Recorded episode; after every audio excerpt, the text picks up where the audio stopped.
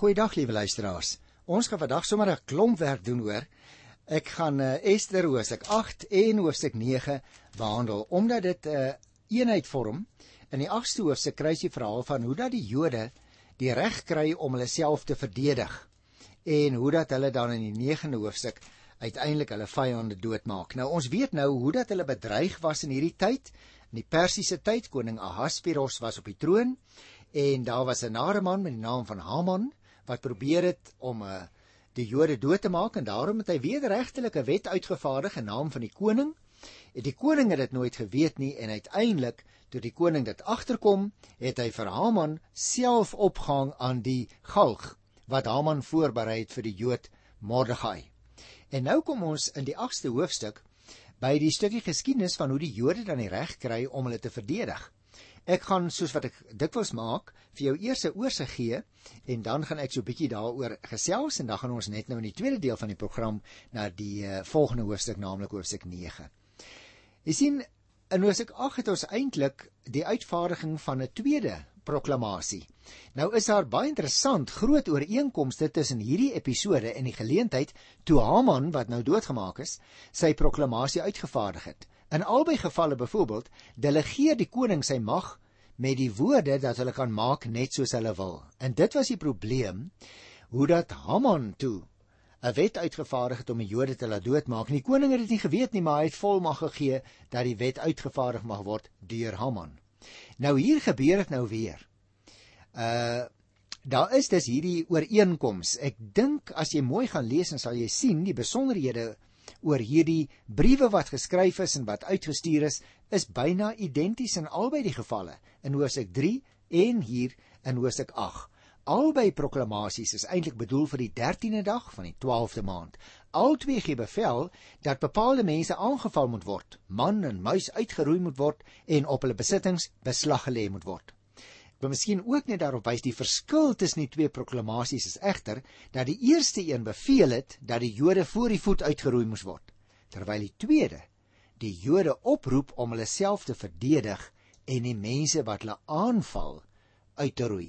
So die Jode se voorneme uh, was ook nie so boosaardig soos die van Haman nie, want Haman wou al die Jode eenvoudig laat doodmaak. Die Jode mag alleen in verdediging optree en dan ook nie na willekeur nie. So 'n mens kan nou nog verskille uitwys, liewe luisteraar, maar ek dink ek gaan dit daar laat sodat ons liewer by die teks self kan kom, want dit is altyd vir ons tog belangriker om direk na die Bybel self te gaan. So kom ons kyk hier by die 8ste hoofstuk in die boek Ester. Miskien eers net na die eerste versie. Dieselfde dag het koning Ahasveros die eiendom van Haman, die vyand van die Jode, vir koningin Ester gegee. Ester het aan die koning vertel hoe Mordegai aan haar verwant is en hy het toe voor die koning verskyn. Nou dis baie interessant luisteraars want Haman het sy lewe verloor, jy sal onthou in die 7de hoofstuk in ons vorige program, en al sy eiendom, dit wil sê sy grondbesit sowel as al die losgoed, uh, word nou gekonfiskeer. Juis dit waaroor hy 'n paar dae gelede nog so gespog het, by sy vrou en sy vriende en by sy kinders, né? Dit word nou alles weggeneem van sy familie. Die koning is in hierdie stadium daarvan bewus dat Ester en Mordegai Jode is. Maar hy's nog nie bewus daarvan dat hulle eintlik verwantskap met mekaar het nie, né? Want dit is haar oom, sal jy onthou ek het vir jou vertel. Luister na vers 2. Die koning het sy seelring afgehaal wat hy by Hamon teruggevat het en dit aan Mordegai gegee. Ester het toe vir Mordegai oor die eiendom van Haman aangestel. Die rolle word dus, uh, liewe luisteraar, presies omgekeer. Mordegai ontvang nou die seelring wat vroeër aan Haman gegee is en hy Mordegai word aangestel oor Haman se eiendom. Is dit nou nie ironies nie? Die Here kan dan wonderlik ingryp in die geskiedenis, nê? En die verkeerde wat mense doen, net omkeer in presies die teenoorgestelde. Maar nou lees ons iets van Ester in vers 3. Ester het weer met die koning gepraat. Sy het voor hom gekniel, gehuil en hom om genade gesmeek. Sy het hom gevra om die bose plan wat Haman die Agatiet teen die Jode beraam het, ongedaan te maak. Jy sien, Ester besef natuurlik baie goed dat hoewel Haman uit die pad is want hy's dood, die proklamasie in verband met die moord op die Jode nog al die tyd bly staan. Sy gaan dus weer op 'n audiensie by die koning. Sekerlik nie sonder risiko nie, hoor, en sy gaan pleit by die koning vir die behoud van haar eie mense. Dis belangrik dat 'n mens sal raak lees wat hier in vers 4 tot by vers 6 staan. Ek gaan dit miskien sommer as 'n een eenheid lees, dan versnipper ek nie uh, die verhaal so nie, dan volg ons dit makliker. Die koning het die goue septer na Ester toe uitgesteek en sy het voor hom gaan staan en gesê: "As die koning dit goedvind, as u my goedgesind is en as dit vir u reg lyk en u van my hou, laat skryf dan ander briewe om briewe met die plan van Haman, die seun van Hammedata, die Agatiet te herroep." Hy het dan geskryf dat die Jode in al die provinsies van die ryk uitgeroei moet word. Hoe sou ek kon toe kyk as my volk deur so 'n ramp getref word? Hoe sou ek kon toe kyk as my familie uitgeroei word? Nou, luisteraar, 'n mens kan jou Ester se posisie baie goed voorstel. Sy gelukkig sê die 4de vers dat sy die koning se gunstige gesindheid geniet en sy gryp die geleentheid aan. Ek dink is 'n les vir jou vir my ook hoor. As 'n mens in die nou te kom en jy het moeilikheid, dan moet jy nie op jou eie ashoop gaan sit en treur nie. Jy moet vir jouself vra wat is die moontlike dinge wat ek kan oorweeg om uit hierdie situasie uit te kom en dis presies wat Ester doen. Hy vers 5 en 6 wat ons gelees het. Daarin leer ons Ester was sekerlik bewus van die probleem dat 'n wet of 'n proklamasie, noem dit soos jy wil, wat in die koning se naam uitgevaardig is, nie herroep kan word nie. Jy sien dis 'n groot probleem. uh, In ons tyd sal ons sê dit was 'n regs tegniese probleem. Dit kan nie net herroep word sonder meer nie. Sy vra nogtans spesifiek dat Haman se bose plan herroep moet word, sonder om te noem dat hierdie plan die koning se volmag geniet. Sy is met ander woorde bekommerd oor die lot van haar volk in sy geheel, maar ook spesifiek oor haar breëre familieverband. Wy sien luisteraar weier as net die verwante persone wat direk van haar familie is. So sy dink regtig nie net aan haarself nie. En dan sê vers 7 en 8: Koning Ahasveros het toe vir koningin Ester en vir die Jood Mordegai gesê: "Kyk, Ek het Hanan se eiendom vir Ester gegee en hom laat ophang aan die galg omdat hy die Jode wou uitroei. Skryf julle dan nou maar wat julle goed dink aan die Jode. Skryf dit in my naam en verseël dit met my seelring. 'n Proklamasie wat in naam van die koning geskryf is en met sy seelring verseël is, kan egter nie herroep word nie. En daar is die probleem wat ek nou nou vir jou verduidelik het. Daarom skep die koning nou nie net die moontlikheid dat nuwe maatreëls getref kan word nie. Die proklamasie sê hy ook pertinent soos ek nou nou verduidelik het kan ongelukkig nie herroep word nie. Nou vers 9 en 10 toe is die skrywers van die koning dadelik ontbied. Dit was op die 23ste van die 3de maand die maand Sivan hulle het alles neergeskryf wat Mordegai die Jode die verteenwoordigers van die koning die goewerneurs en die leiers van die 127 provinsies van Indië af tot by kus wou beveel Hulle het aan elke provinsie in sy eie skrif geskryf en aan elke volk in sy eie taal. Ook aan die Jode het hulle in hulle eie taal geskryf. Mordegai het geskryf in die naam van die koning Ahasveros en die briewe verseël met die seelring van die koning. Die briewe is uitgestuur met boodskappers op resiespere uit die koninklike stalle. So jy kan sien daar word baie groot moeite gedoen. Die Jode word nou hier in die 9de vers spesiaal vermeld onder die verskillende tale en die volke aan wie die nuwe proklamasie gestuur moet word. Haman tussen hakies se proklamasie was ook deur die boodskappers uitgedra. Jy sal nog onthou daar by die 3de hoofstuk by vers 13. Maar die nuwe proklamasie word met boodskappers op resiesperde uitgestuur. So jy sien daar is ook van die kant van die koning 'n groot dringendheid dat almal so gou moontlik moet weet die Jode mag nie doodgemaak word nie. Dis duidelik 'n dringende saak dat die boodskap ook die mees afgeleë dele van die ryk destyds so gou as moontlik moet bereik. Luister na vers 11 tot by vers 13. Die briewe het gelui dat die koning aan die Jode in alle stede die reg gee om bymekaar te kom en hulle te verdedig. Hulle kon enige gewapende mag van enige volk of provinsie deur wie hulle bedreig word voor die voet uitroei ook kinders en vrouens en op almal se besittings beslag lê. Dit alles kon hulle doen in al die provinsies van koning Ahasveros op een bepaalde dag, die 13de van die 12de maand, die maand Adar. Die proklamasie moes in elke provinsie as wet afgekondig word en moes aan alle mense bekend wees sodat die Jode op die bepaalde dag gereed kon wees om hulle op hulle vyande te wreek. Hier gebeur dus nou 'n interessante ding. Die Jode kry nou vir die eerste keer die reg om hulle te verdedig wat hulle van tevore nie gehad het nie. Want jy sien die wet kan nie herroep word nie. Dit verstaan ons nou. Maar nou kry die Jode die reg om hulle te verdedig wat hulle van tevore nie mag gedoen het nie. Hulle mag nou met ander woorde wraak neem op hulle vyande. Nie in die algemeen nie. Let op. Maar spesifiek wanneer hulle aangeval of bedreig word. Dit is ook in ons tyd so. 'n Mens kan nie sommer 'n vuurwapen rig op iemand nie, behalwe as jou lewe bedreig word in jou eie huis. So jy kan nie sommer net voor die voet 'n uh, skoot aftrek nie. Jy moet in lewensgevaar wees en dit is nou wat ook vir die Jode hier gesê word. Ag jy weet luisteraar, ons dink soms Ons leef in 'n tyd en daar was nie van tevore sulke goed nie en hier kry ons so 'n voorbeeld. Die mense kon nie sonder meer wet in eie hand neem nie. Luister na vers 14. Die boodskappers op die perde uit die koninklike stalle het baie haastig vertrek oor eenkomstig die koninklike bevel. Die proklamasie is uitgevaardig in die vestingstad Susan. Daar is dus 'n koninklike bevel wat uitgegaan het en uh die dit word uit uh, spesifiek 'n koninklike bevel genoem ook omdat Mordegai met die gesag van die koning opgetree het. So 'n mens kan sien, die koning is jammer oor die vorige wet wat uitgevaardig is. Hy het nie die inhoud daarvan geken nie, hy het nie besef die Jode se lewens word bedreig nie en daarom nou hierdie nuwe reëling wat hy tref. As die mense julle aanval wat die wet sê hulle mag, dan mag julle julleself verdedig en hulle stuur die resiesperde al vier die windstreke in sodat die mense gewaarsku kon word en die Jode ook mag weet hulle mag hulle self verdedig. Nou vers 15 tot 17.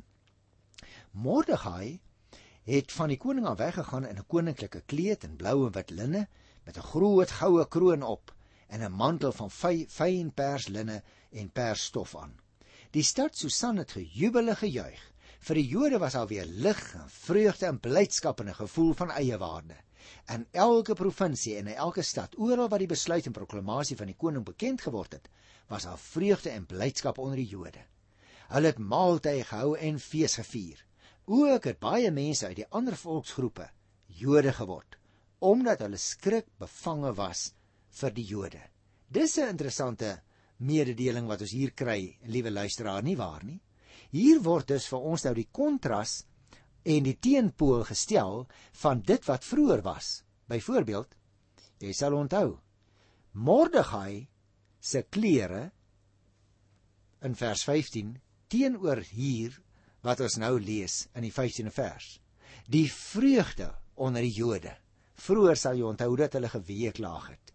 Die Jode word nou soos lees ons hier deur baie mense, is die woorde, beskou as die groep wat deur die koning bevoordeel word. Vandaar dat so baie van die mense Jode geword het. Want mense se motiewe was nou nie altyd baie suiwer nie, maar het hulle vir hulself gesê, dit lyk vir ons die koning se hart is sag teenoor die Jode. Leiding nie, want die rede was eintlik dat die koning maar net gesê het, hulle mag hulle self verdedig as hulle aangeval word. Nou dit bring my dan by die tweede gedeelte want jy sal onthou ons opskrif vir vandag was die Jode verdedig hulle self. Dit het ek nou bespreek. En nou gaan ek Ester die 9de hoofstuk behandel wat sê hoe dat hulle ook van hulle vyande dan nou doodgemaak het in die proses. En hier het ons dus uh, nou weer heeltemal 'n ander faset wat na vore kom. Oorsigtelik wat Ester 9 betref, sou ek net eers 'n paar dinge wou uitlig en dan gaan ek weer na die detail van die hoofstuk toe.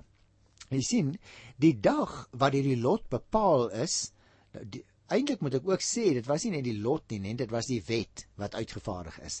Die dag wat deur die wet bepaal is om die Jode dood te maak, het op presies die teenoorgestelde uitgeloop as wat die wet bepaal het.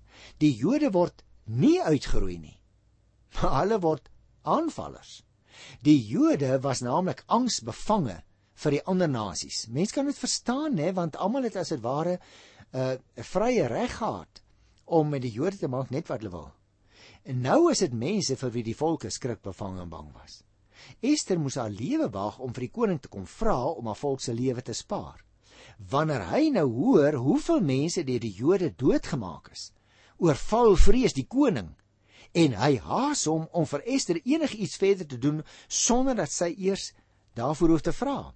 Waar Ester dus voor die koning moes buig, buig die koning nou voor hierdie Jodin, kan jy dit glo? Hy soog voor haar mag want onthou hy het haar aangestel as koningin. En hy laat in Susan, dit is die hoofstad, die saak nog een dag langer duur. Die dag van die lot word 'n ironiese ommekeer waarin al die rolle omgeruil word. Die dag wat die Jode se einde moes beteken, word op 'n paradoksale manier die twee dae van hulle grootste oorwinning.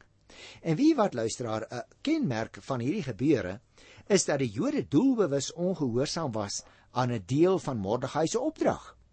Hulle neem nie buit nie. Hulle lê nie beslag op hulle uh, vyande se besittings soos Mordegai hulle beveel het om te doen nie. Onthou jy nog uit die geskiedenis wat ons behandel het in 1 Samuel 15 hierdie voorbeeld? Daar is Saul destyds as koning verwerp omdat hy nie met die oorlogsbuit gemaak het soos die Here voorgeskryf het nie. Onthou jy dit nog? Die buit behoort aan die Here. Nou, om nie in dieselfde stryk te trap nie en oorkomstig die bedoeling van die stryd om slegs op selfverdediging te konsentreer, konfiskeer die Jode nie die eiendom van die mense wat hulle verslaan nie.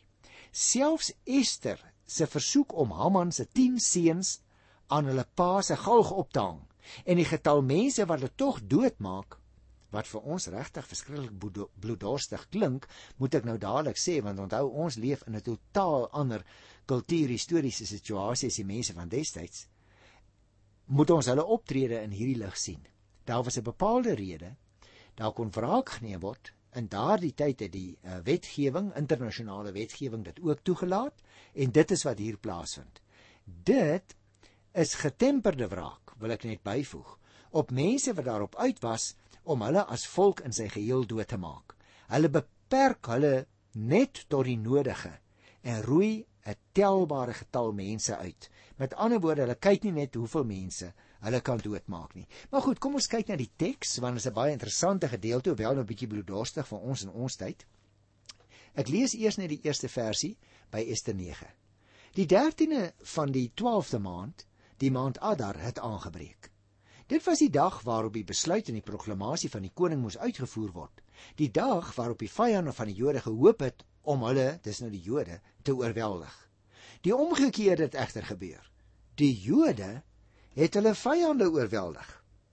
Jy sien, jy sal nog onthou albei die proklamasies is bestem vir die maand Adar. Nou in ons uh berekening volgens ons kalender sal dit so min of meer in die maand Februarie Maart wees. En verskeie volke in die Persiese ryk was tradisionele vyande van die Jode. Soos ons hier in die eerste versie sien. Byvoorbeeld, um, as ek nou dink aan mense soos die Edomite, was vyande van die Jode en die Moabiete en ook die Arameërs. So daar was mense wat seker baie bly was dat hulle nou op die spesifieke dag sommer net die Jode voor die voet kon doodmaak. Die Jode se eie soortige en eksklusiewe godsdiens en leefwyse het hulle in elk geval by baie volkere 'n onpopulêre volk gemaak. Die uh, vreemde volkere met wie die Jode aanraking gekom het, het niks gehou van sommige van die gebruike van die Jode nie. En daarom was hulle nou baie bly vir hierdie wetgewing in naam van Ahasveros, die Persiese heidense Persiese koning, dat hulle die Jode mag doodmaak. Maar iets anders gebeur. Luister na vers 2. Die Jode het bymekaar gekom in hulle stede en al die provinsies van koning Ahasveros om hulle te verdedig teen almal wat hulle ondergang soek. Niemand kon voor hulle stand hou nie. Al die volke was skrikbevange vir hulle. Jy sien die Jode het natuurlik dikwels saamgetrek in die groter stede van die ryk waar daar goeie handelsgeleenthede was. Jode was van vroeg af in die geskiedenis baie goeie handelsmense en handelaars. Uh, al reeds sal jy onthou ek het vir jou die verhaal vertel, ek kan dit goed onthou, toe ons gepraat het oor die periode in die Babiloniese ballingskap. So te van 586 af want Jerusalem het gevalle 586 voor Christus tot uh, die edik deur Kores uitgevaardig is. Hy was ook 'n Persiese koning in die jaar uh, eh, 538 was dit toe die Jode teruggekom het. Nou in daardie periode tussen 586 en 538 was hulle dus woonagtig as ballinge in Babel. En daar het hulle ook, het ek vir jou toe al verduidelik, uh begin om uh, groente te plant en vrugte te kweek en hulle het dit aan hulle Babiloniese eienaars verkoop. En hier kan 'n mens verstaan dat die ander volkere nou ook vir hulle skrikbevange was. Luister byvoorbeeld as ons vers 3 tot 6 lees. Al die leiers in die provinsies, die verteenwoordigers van die koning, die goewerneurs en die ander in diens van die koning en die Jode gesteun omdat hulle bang was vir Mordegai. Want hy het 'n hoë posisie aan die hof beklee. Dit het deur al die provinsies bekend geword dat hierdie Mordegai al hoe meer mag gekry het. Die Jode het onder al hulle vyande 'n groot slagting met die swaard aangerig. Hulle het hulle doodgemaak en uitgeroei.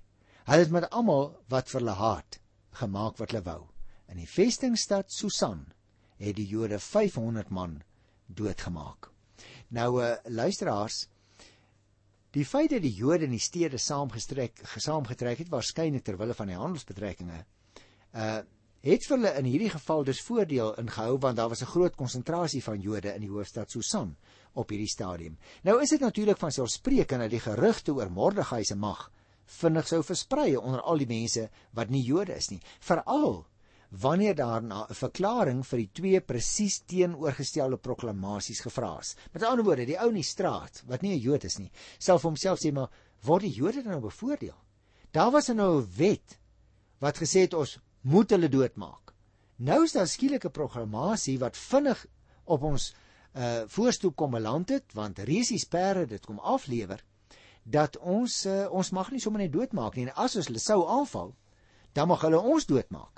So ek kan verstaan luisteraars dat daar baie onduidelikheid was by baie van die mense in daardie tyd. Vers 7 tot by vers 10. Ons kry hier 'n paar name. Ek gaan die name uitlaat en net die sin lees. Hulle het ook die 10 seuns van Haman, seun van Hammedata en die vyand van die Jode doodgemaak. Op hulle besittings het hulle egter nie beslag gelê nie. Jy sien Haman se 10 seuns het Persiese name gehad. Het jy dit opgemerk? Die Jode staan daar nou, het nie die besittings gevat van diegene wat hulle doodgemaak het nie, alhoewel dit uitdruklik in die proklamasie gestipuleer is. Jy sien die waarskynlikste rede hiervoor luisteraar is die oorlogstradisies van Israel. Die bangoed behoort aan die Here en dit mag nie gebuit word nie. Daar's ook ander verklaringe omtrent hier uh hieromtrent moontlik. Byvoorbeeld dat hulle die beskuldigings van hebsug en persoonlike motiewe wou vermy. Maar dan sou die rede vir die optrede egter duideliker vermeld gewees het. So ons weet nie presies nie, maar dit is uh, heel waarskynlik dat hulle uit respek vir die Here nie alles gevat het van ander mense wat hulle doodgemaak het nie. Vers uh, eh, 11 tot by vers 14 en dit bring ons byna aan die einde van ons program alweer. Dieselfde dag nog het die koning berig gekry van die getal mense wat in die stad Susan doodgemaak is. Hy sê toe vir die koningin Ester: "In die stad Susan het die Jode 500 man doodgemaak en ook 10 seuns van Haman Wat sou hulle nog in die ander provinsies van my ryk gedoen het? Is daar iets wat jy nog wil vra? Dit sal ook aan jou gegee word. Het jy nog 'n verdere versoek? Dit sal uitgevoer word. En Ester sê toe: Luister nou mooi. As die koning dit goed vind, laat die Jode in Susan toe om ook môre te doen wat hulle vandag kon doen en laat die lyke van die 10 seuns van Haman aan die galg ophang. Die koning het bevel gegee dat dit gedoen moet word en so 'n proklamasie is in Susan uitgevaardig. Ook die lyke van die 10 seuns van Haman is ophang. Dit blyk duidelik uit hierdie verse. Die koning is wel bekommerd oor die omvang van die slagting in sy ryk, maar sy welwillendheid teenoor Ester dat hy haar end uit sal gehoorsaam in haar versoeke. Dit is baie duidelik. Hy hou sy woord gestand. Alle teenstand teen die Jode in Susan was waarskynlik nog nie uitgewis nie, hoor. Die lyke van Haman se seuns moes toe opgehang word om sodoende aan Haman die ergste moontlike smaad te laat toekom. En dan kry ons die laaste paar verse hier in uh, die boek Ester, uh hoofstuk 9 wat ek vandag gaan behandel want ek doen net tot by vers 19 vandag en gaan ek volgende keer verder. Vers 15 sê die Jode in Susan het toe ook op die 14de van die maand Adar bymekaar gekom. Hulle het in Susan nog 300 man doodgemaak, maar nie op hulle besittings geslag gelê beslag gelê nie. So ons kry dus hier 'n baie interessante weergawe. Jy kan dit maar self lees want hier word eintlik maar net herhaal. Ek wil dit saamvat. Die skrywer gee hier vir ons 'n verduideliking waarom verskillende groepe Jode in die tyd van die skrywer hierdie gebeurtenisse op verskillende dae met feesvierings gedenk het. En ek het vir jou gesê luisteraars, dit is 'n uh, vandag nog so. Hierdie boek word gelees veral by die Purimfees. En daarom gaan ek hier onderbreek en dan in ons volgende program sal jy sien in die Bybel as jy dit volg Ester 9 van vers 20 af handel dit spesifiek oor die Purimfees. Dan gesels ons daaroor. Tot volgende keer die seën van die Here vir jou toegebid van my kant af en ook van die kant hier van die produksiespan. Tot volgende keer. Totsiens.